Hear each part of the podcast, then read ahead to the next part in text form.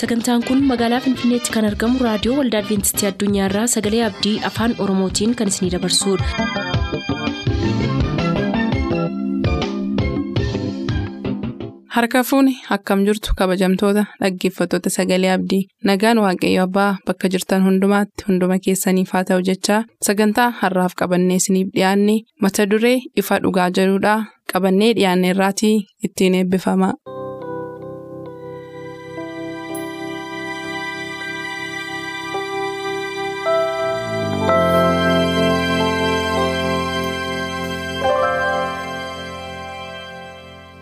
Ifa dhugaa.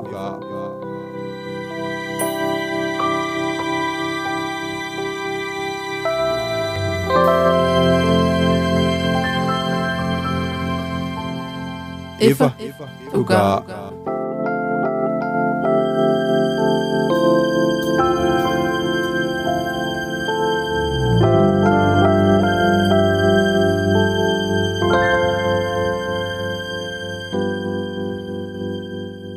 Harka fuunii kabajamoof jaallatamoo dhaggeeffatoota keenyaa akkam jirtu bakka jirtan maratti nagaan waaqayyoo isiniif baay'atu torbanitti yeroo tokko kan ittiin walii wajjiniin qooddannu kun qophii ifa dhugaati. Qophii ifa dhugaa keenyaa gaa walitti fufiinsaan dargaggoo Daani'eel Abtaamuu wajjiniin isiniif qindeeffannee dhiyaachaa turre har'as kan naa wajjin jiru dargaggoo Daani'eel Abtaamuuti. Har'a qorannoon keenya nuusa kana keessaa. Kutaa salgaffaarra ga'ee jira kutaa salgaffaan har'aa immoo sassatarraa of eeggadhaa kan jedhu irrattitu walii wajjin qayyabachaa turra gara sana isiniif qoodutti tun darbin waaqayyo hafuura isaan akka nu qajeelchuuf daani'elii wajjin kadhannaa gabaabaa goona bakkuma jirtanitti nu waliin ta'a. Waaqa hunduma gararraa jirtu jaallatamaa alfaadhaaf omeegaa yeesa wanti hundumtu harka keetiin uumame. Fuula kee irratti dhiyaanne irra ijoolleen kee sagalee kee dhaga'uudhaaf jenna. Nu warra sagalee kee dubbataniif ogummaadhaaf hubannaa arraba sagalee kee dubbatu nuuf kenne saba kee sagalee kee dhaggeeffataniif immoo gurra ittiin hubataniif kan ittiin immoo jiraataniif samiitti ittiin galan isaan godhi humna kee nuuf erge yeroo hundumaa nu wajjin jiraadhu yeroo deebitee dhuftu warra sagalee keetti jiraatanii samii argatan nu godhadhu nu dura bu'i nu wajjiniin ta'e maqaa ilma kee Yesuusiin. Ameen. Galatoomii Daanii walitti fufiinsaan egaa qorannoo keenya har'a amma kutaa salgaffaatti kan deemaa jirru qorannoon keenya kutaa salgaffaan akkuma jalqaba caqasuuf yaale sassata irraa of eeggadhaa kan jedhu akeekkachiisa laata? Heertuun yaadannoo isaa kitaaba qulqulluu keenya keessaa lukaas boqonnaa kudha lama lakkoofsa kudha shanirra jira kanatti fufee hunduma isaaniitiin. ilaalladhaa sassata hundumaattis of eeggadhaa. Jireenyi eenyullee baay'ina qabeenyaa isaarraa hin dhaabatu jedheedha. Kana gooftaa yesuustuu fakkeenya sooressa gowwaa jedhee achirratti fakkeenyaan nama barsiise tokkotti fayyadameetu sooressa gowwaa sanaa jireenyi isaa utuu hin beekin jalaa fudhatame utuu inni qabeenya isaatiin of jajuu erga jedhee fakkeenya sana fayyadamee bartoota isaatiif. dhaamsi cimaan inni dhaame of eeggadhaa sassata hundumaarraa jireenyi nama kamiyyuu baay'ina qabeenya isaatiirraa hin dhaabbatu hedheetti meechuudha kanaaf qorannoon keenya irraa immoo mata dureen isaa sassatarraa of eeggadhaadha heertuun kunillee kanuma irra deebi'ee jabeessaa mee kanaan ol qabsiiftee cubbuu jalqaba ture wajjinis olitti fiddee attamitti cubbuun addunyaa kanarratti akka jalqabe wajjin sassataa wajjin hidhata qabaa kan jedhu irratti yaada akka laattuuf hin carraasii kenna. Tolee galatoomii girmaa'ee kitaabni qulqulluun yookaas martaan ifa dhugaa keenyaa lanaa wantoota baay'ee jireenya keenya keessatti qajeelchuu qabnu akka nu qajeelchinuuf jireenya keenya keessatti immoo akkamittiin akka jiraannu jireenya keenya hooggansa jireenya keenyaa immoo eenyuun akka godhachuu qabnu lafa kaa kutaalee darban akkuma ilaalaa turre jechuudha dhimma liqii ilaalchisee dhimma wantoota garaagaraa ilaalchisee waan baay'ee kaasee dubbata. Kutaa salgaffaaraa keessatti garuu sassataa irraa of eeggadhaa'edha. Yeroo jennu akkuma liqii irraa of eeggatamu sassata irraa of eeggachuunis baay'ee barbaachisaadha. Ba'uu boqonnaa 20 lakkoofsa 17 dhimma abboommii kurnanii gaafa ilaalchisu harree hoolotadha. Wantoota mana hiriyaa keetii waan kan isaa ta'e hundumaa jalaa fudhachuuf hin hawwin jedha. Qabeenyi hiriyaa keetii yoo hawwite hojjechuu fi hawwuun gargari sassatuun gargara. Otoo sii ta'ee jiru otoo jiraachuu dandeessu otoo hojjechuu dandeessu qabeenya namaa hawwuun fuula waaqayyoo irratti akka akka ta'etti ilaala. Fakkeenyaaf cubbuu jalqabaa keessatti seexanni yookaas luusfer namni jalqabaa ergamaan hangafni kan samii to'atu yookaas waaqayyoo aangoo kan isaaf kenne luusferi aangoo isaatti quufuu dadhabuun sassata. Ilma waaqayyoo irratti ka'uun aangoon kun nan ga'u jechuun of tuulummaan keessa isaatti mul'ate sassatummaarraan kan ka'edha. Ani duumessota gararraatti ol ba'uun qabaa jedhee yaadeedha. Isaayaas raajichi gaafa dubbatu. Maal jechuudha kun eessarraa maddaa maddi rakkoo kanaa maddi sassataa maalirraa madda kan jedhu nan ga'u wanni itti akka itti jiraachaa jiru kun nan barbaachisu naan taane. Waaqayyoon karaa kan biraa tokkoffaa waaqayyoon ganuudha.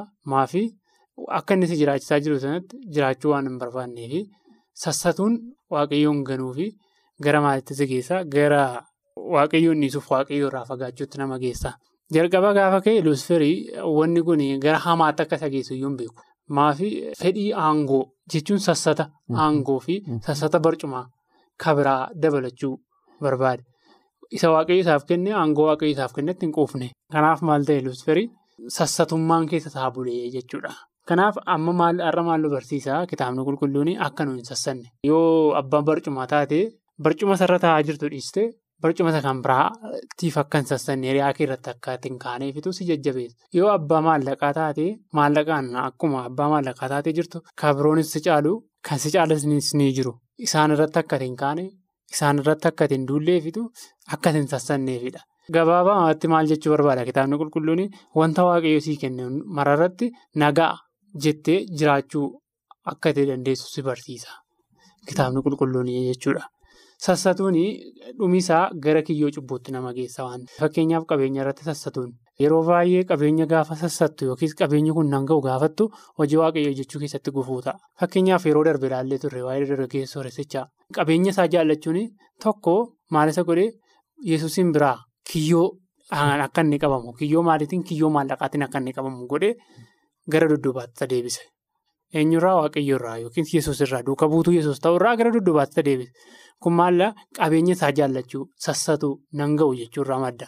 Onneen keenya horii jaallatu hin sassannu. Nama horii jaallatu maal taasisu fakkaate isa qabaateef yookiin isa argate sanatti maal hin ta'u ittiin quufu nagaa jechuun baru.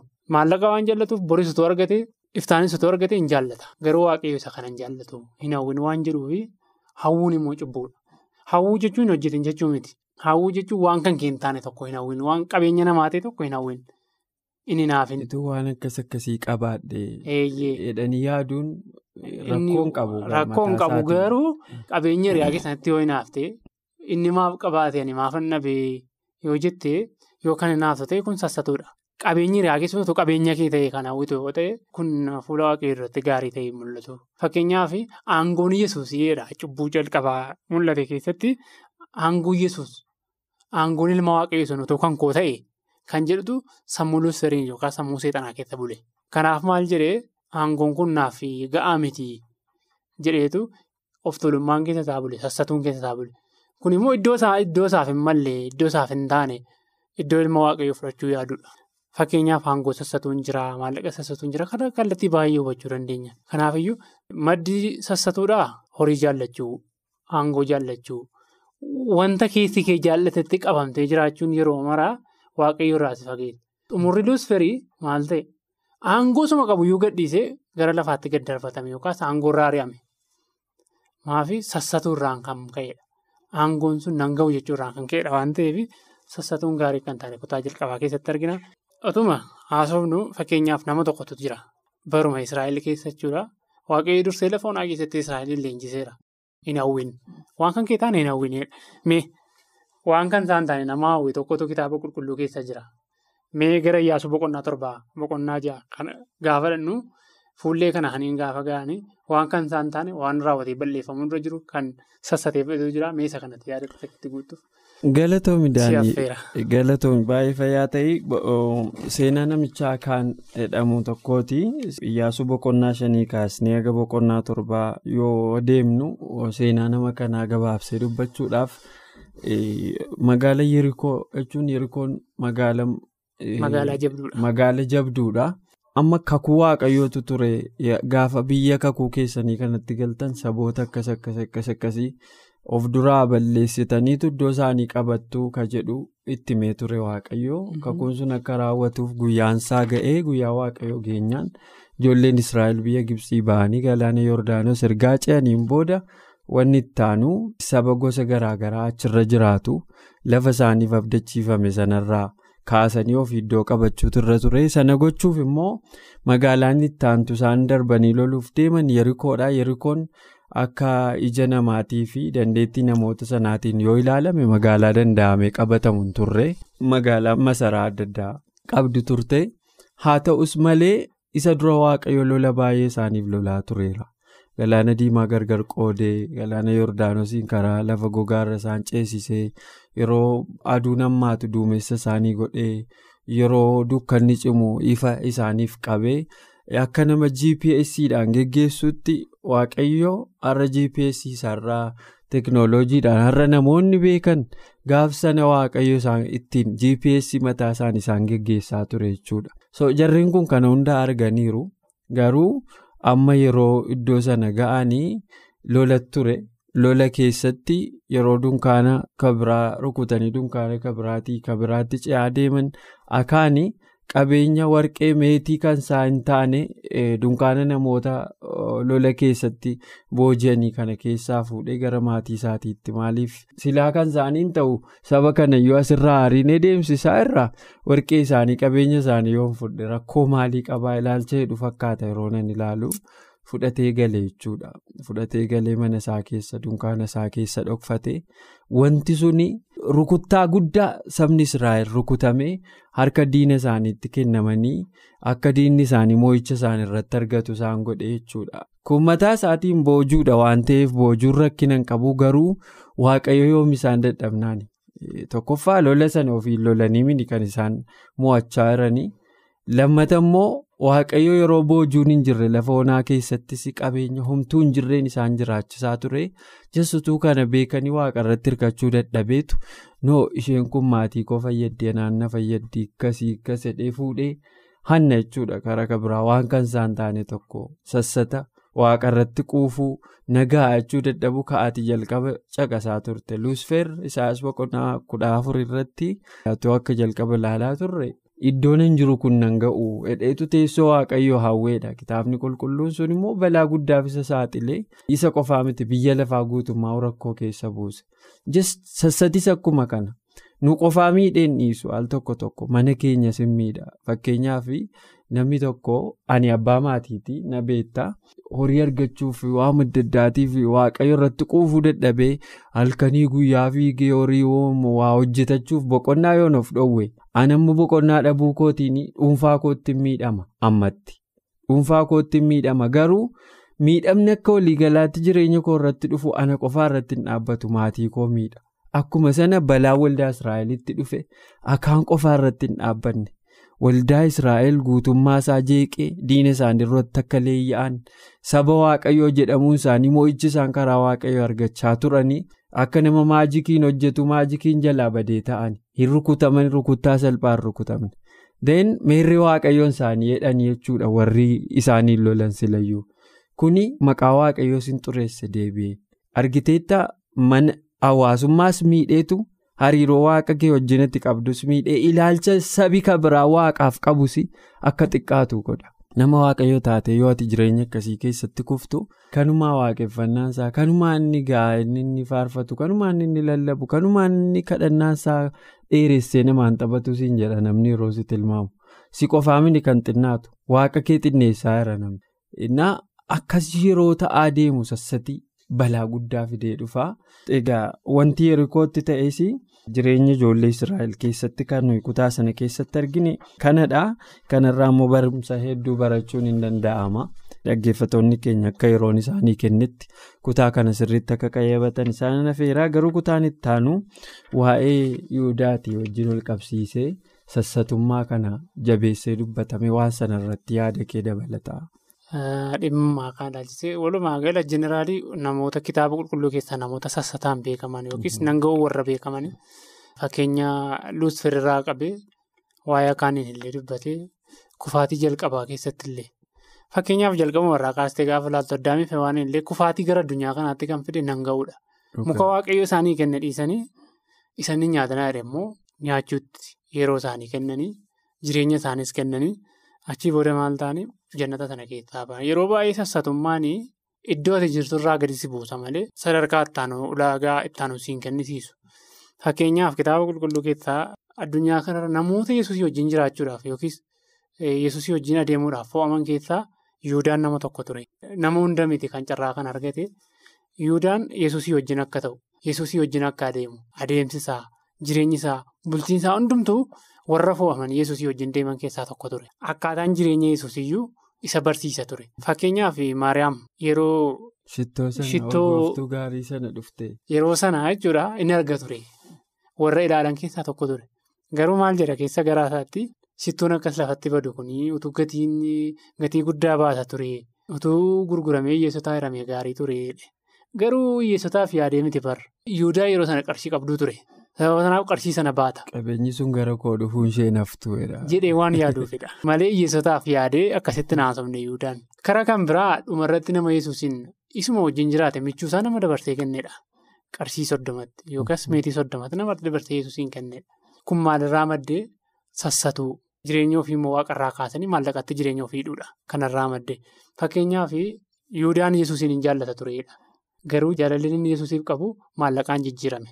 Iddoo tokkotti kitaabni qulqulluun maal jedhaa dhugaa biti malee hin gurgurinedha. Yesuus maal jedhee kanaafuu dhugaa ture. Ana karaan, ana dhugaan, ana jireenyi waan jedhuufi sassatummaan keessa jireenya isaa maallaqa jaallachuu irratti jireenya isaa waan ta'eef Yihudaan michuu isaa isa jaallatu. Isa carraa fayyinaa isaaf kenne. Carraa fayyinaa keessaayyuu immoo warra isaa wajjin oolan, isaa wajjin bulan keessaa tokko godhatee bartoota kudha lamaan keessaa tokko isa godhatee nama wajjin jiraatuufi. Waggaa sadiif walakkaa nama wajjin deeme sassatummaarraan kan maddeef jireenyi isaa maallaqa jaallachuurraan kan maddeetu eenyuun dabarsee kennee yesuusiin gara warra fariisotaatti akka inni dabarfamee kennamu akka inni ajjeefamuufi dabarsee kenne. Dhumarraa Yihudaan maal ta'ee jiraachuu hin dandeenya. Maallaqa sanallee nyaanne. Yeroo baay'ee maallaqati kara jallinaa yookiis kara hin barbaachisne karaa waaqayyo sirraan argattu milkiin argatu. Maafi Yihudaa yoo argitee ta'ee yoo laallatee. Yihudaan dhumarra maal ta'e ofiisaa of rarraase. Maallaqa sana dhaqee warrumaa ergaa baseetti dhaqee isaanuma fuulduratti darbatee gateedha. Kitaabni qulqulluun. Maafi kun hunduu kan ta'eef of jaallachuurra. Of jaallachuun keenya immoo dhumarra nu milkeessu. Jireenyi keenya dursee waaqayyoo irratti yoo jedhame maal jedha kitaabni qulqulluun duraan dursaati mootummaa waaqayyoo barbaadadha. Isa booddee wanti hundumti isiniif dabalamaa. Wanti kamiyyuu mootummaa waaqayyoo erga jaallannee booda yoo nuuf dabalame mootummaa waaqayyoo irra caalchisnee maallaqa keenya. Haadha manaa jaallannus aangoo jaallannus maal hin taanu mootummaa waaqayyoo irra caalchisnee hin laallu. Maafi yoo mootummaa waaqayyootiif dursa laanne. Garaan Yihudaa garuu waaqayyoof dursa kennuurraa maallaqaaf dursa kenna. Kanaaf miti kan inni yesuusiin dabarsee kenneefiyyuu. Kanaaf asumarraa maal baranna gabaabaamatti garaa keenya sassatarraa yesuusiif dursa kennu waaqayyoof dursa kennu. Irraa barannaa yoo dursa laanne xumurri keenya akka Yihudaa akka akaan akaaniinis akkuma sila kaasee ilaalte nutti dubbatte maal ta'e xumurrisaa du'aan goolabame. Yihudaanis ofiisaa rarraasuutiin goolabame. Luusariis aangoo isaa dhabuudhaan goolabame. Wanti sassataan dhufu kamiyyuu maalidhaa addunyaa kanarratti sin milkeessu. Kanaaf maal ta'a dhumarra wanti kamiyyuu waaqayyoon yoo dursa qabate irra gaariidha jechuun barbaada. Mee kanatti aansee namoota lama namoota sassataan jireenyi isaanii guutuu ta'e wanta. Raawwatanii gara mana qulqullummaatti fiduun irra ture yeroo tokkummaa bartootaa keessa yeroo afurii qulqulluun namoota tokko godhe keessa gara waldaa kiristaanaatti qabeenya isaanii kan fidan tokkotu ture isaan eenyu fa'i mee yaada kana dhaggeeffattoota keenyaaf sheer godhe. Galatoom jalqabumarraa akka itti kaastee waan hundumtuu safartuu waaqayyootiin safarama iddoon waaqayyoof qabnuun safarama. Kanaaf namoonni baay'een ilaalcha isaan iddoo isaan waaqayyoof qabanii fi wantoota adda addaatiif qabanii wajjin gaafa madaalamu namni kufaa seenaa jarreen itti naa kaastuu kun immoo gaa hojii ergamoota boqonnaa shan guutummaatti kan hammatu ta'a. Seenaan kun hojii ergamoota boqonnaa afur keessaas hin jalqaba. Anaaniyaasiif safiiraa warra jedhamantu ture. Isaan kun yeroo kamii ka jedhuuf hojii ergamoota boqonnaa afur keessatti yeroo ergamoonni afur qulqulluudhaan guutamanii hojii waaqayyoo guutummaatti hojjechuu jalqabanii lapheen isaanii lallaba ergamootaatiin jijjiirame. Warri ergamootaa qabeenya isaanii hunda gurguranii hojii waaqayyoo ittiin hojjechuu yoo ofii isaaniitti rakkatanis immoo akkuma barbaachisummaa isaatti ittiin wal gargaaruutti walii galanii jireenya isaanii investimentii isaanii guutuu hojii waaqayyoo yeroo godhan keessa jarreen kunis immoo hojii waaqayyoo hojjechuu fi araddaa qaban gurguranii gara Pheexroos faatti geessuu walii galanii turanii gidduumatti seexanni gara jarreen kanaa. Mo'ateetu qabeenya keenya kana haga kanatti gurgurree hunduma isaa geessuurraa yommuu kana hambifannee kan immoo dhannee jaratti laannaa jedhanii haqanii irraa hambisanii kennan jechuudhaan achii booda gaaffii gaafatamanii ammoo kanaa dhuguma horii qabeenyi isinitti gurgurtanii gaafate Pheexroos Anaaniyaasiin eeyyee kanumaa jedheen achii booda waaqayyo isa hiifatee. Du'aan adabame jechuudha sababii sobeef lakkinaan balleessee kana kanatti akkas taane utuu jedhame meebii furmaata qabaachuu danda'a ture. Odiitii al tokko tokko waaqayyoota odiitii nama godha yeroo namni odiitii si godhu hin jirre waaqata odiitii si godha kanaaf waan tokko si hin godhu horiin ammuma inni si hayyametti jiraachuuf gaariidha jeen safiiraan immoo abbaa manaa ishee eddee dadhabdee sa'aatii murtaa'e booda sa'a sadii booda dhattee. Yeroo dhattuu hin gaafatamte isheenis akkuma sana jette hin haalteedha kanumatti gurgurreette. Sassata irratti mana keetti waan waliigalanii. Waliigalanii dhufa waan ta'eef jesti afurri qulqulluun hin qoree isaan ilaalee gingilchee sobatti waan waliigalanii fannatti waan waliigalaniif hin rukutamanii lachuu lamaan isaanii hundu'an. Dhumni sassatummaa kanuma ta'a herrega kan biraan qabu dhumni sassatummaa waan hojjette tokko waan ka'atte. Deebi'anii galaniiyyuu birricha iyyuu ittiin fayyadamne. Namoonni waan ka'atan waan waliin qabatan utuu ittiin jiraatan gara adabbii isaanii fudhatu. So waan dhumaa daqiiqaa tokko. Gabaabumatti dhimma maallaqaa qofa irratti dhimma aangoo qofa irratti yeroo tokko tokko waan baay'ee argina. Fakkeenyaaf saamsonumallee yoo fudhatte kitaaba qulqulluu keessaa waaqayyo aangoo guddaa isaaf kennee waan guddaa isaaf godhe. Maal jedhani yeroo inni niitii ormaa tokko haasaachuuf deeme. Maatiinsa ati israa'el keessaa waan siif taatu. Kan siif taatu dhabde moo akkamittiin dhatte niitii ormaa fuuta waan jedhu wayii tokkotu jira. Garuu kan hundumaarra darbee waan dhageenyee fi sassatummaa isaarraan kan ka'e daliilaatti galee humna waaqayyo isaaf kennellee dhabee. Kanaaf sassatummaan gama maraan iyyuu jira. Qabeenya qofa irratti miti waan hundumaan iyyuu of eeggannachuun barbaada galatoon. Ulfaadhuu baay'een si galateeffadhaan illee har'a walumaa gala sassatummaa irratti hojjechuu kanarratti sirriitti kitaabni qulqulluun keenya nuuf ibseera. Dhaggeeffatoonni keenyas kana gadi fageenyaan akka keenya yeroodhaan utuu hin daangeffamin akka gadi fageessanii qoratan dhaamsan isaaniif dhaamaa turtii keef ulfaadhu. Asumaan sagantaa keenya irraa goolamneerra. Torbee qorannoo kurnaffaa naga walitti deebinutti. Nagaan nuuf tura. Qophii keenya har'aatiin akka eebbifamtaan abdachaa yeroo xumurru beellamni keessan nu waliin haa ta'u.